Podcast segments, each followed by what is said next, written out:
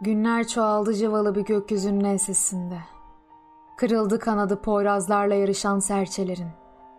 Bu sonbahar hiçbirimize bahar olmadı. Çürüyen bir alfabeydi zaman. Elimizde kaldı. Derken tüm kapıların içtenliğini kuşandı.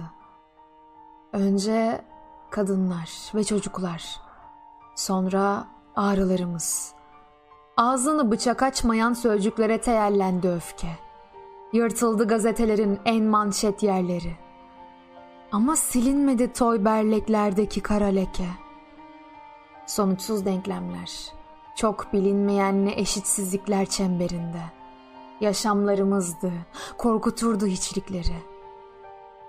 Çemberin dışında kalmış biri, bozardı tüm oyunları. Yıkanırdı çamurun dostluğuyla.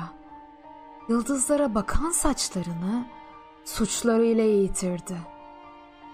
Soğuk deler gibi gözlerini dikip en kuytu köşelerin neşesine bir düğme gibi zaman. Şimdi çıkmak için merdiven, inmek için ip istiyor sıradaki. Kanın aktığını gördü ve koştu. Birilerinin koştuğunu gördü. Boş kuyulara su ol. An be an kırmızı bir atkıyla selamlanan sabahlarda. Bir şeyler bilinmeli.''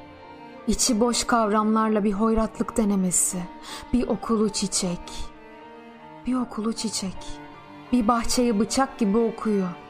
Tarih düşülüyor yaşadıklarımızın altına. Asi nehirler ve onların çocukları. Sonra ipeğin ve baharatın yoluna koşulan at. Dingin ve rahat.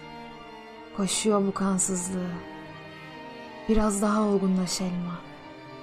Ey dipsiz kuyu, biraz daha boyat.''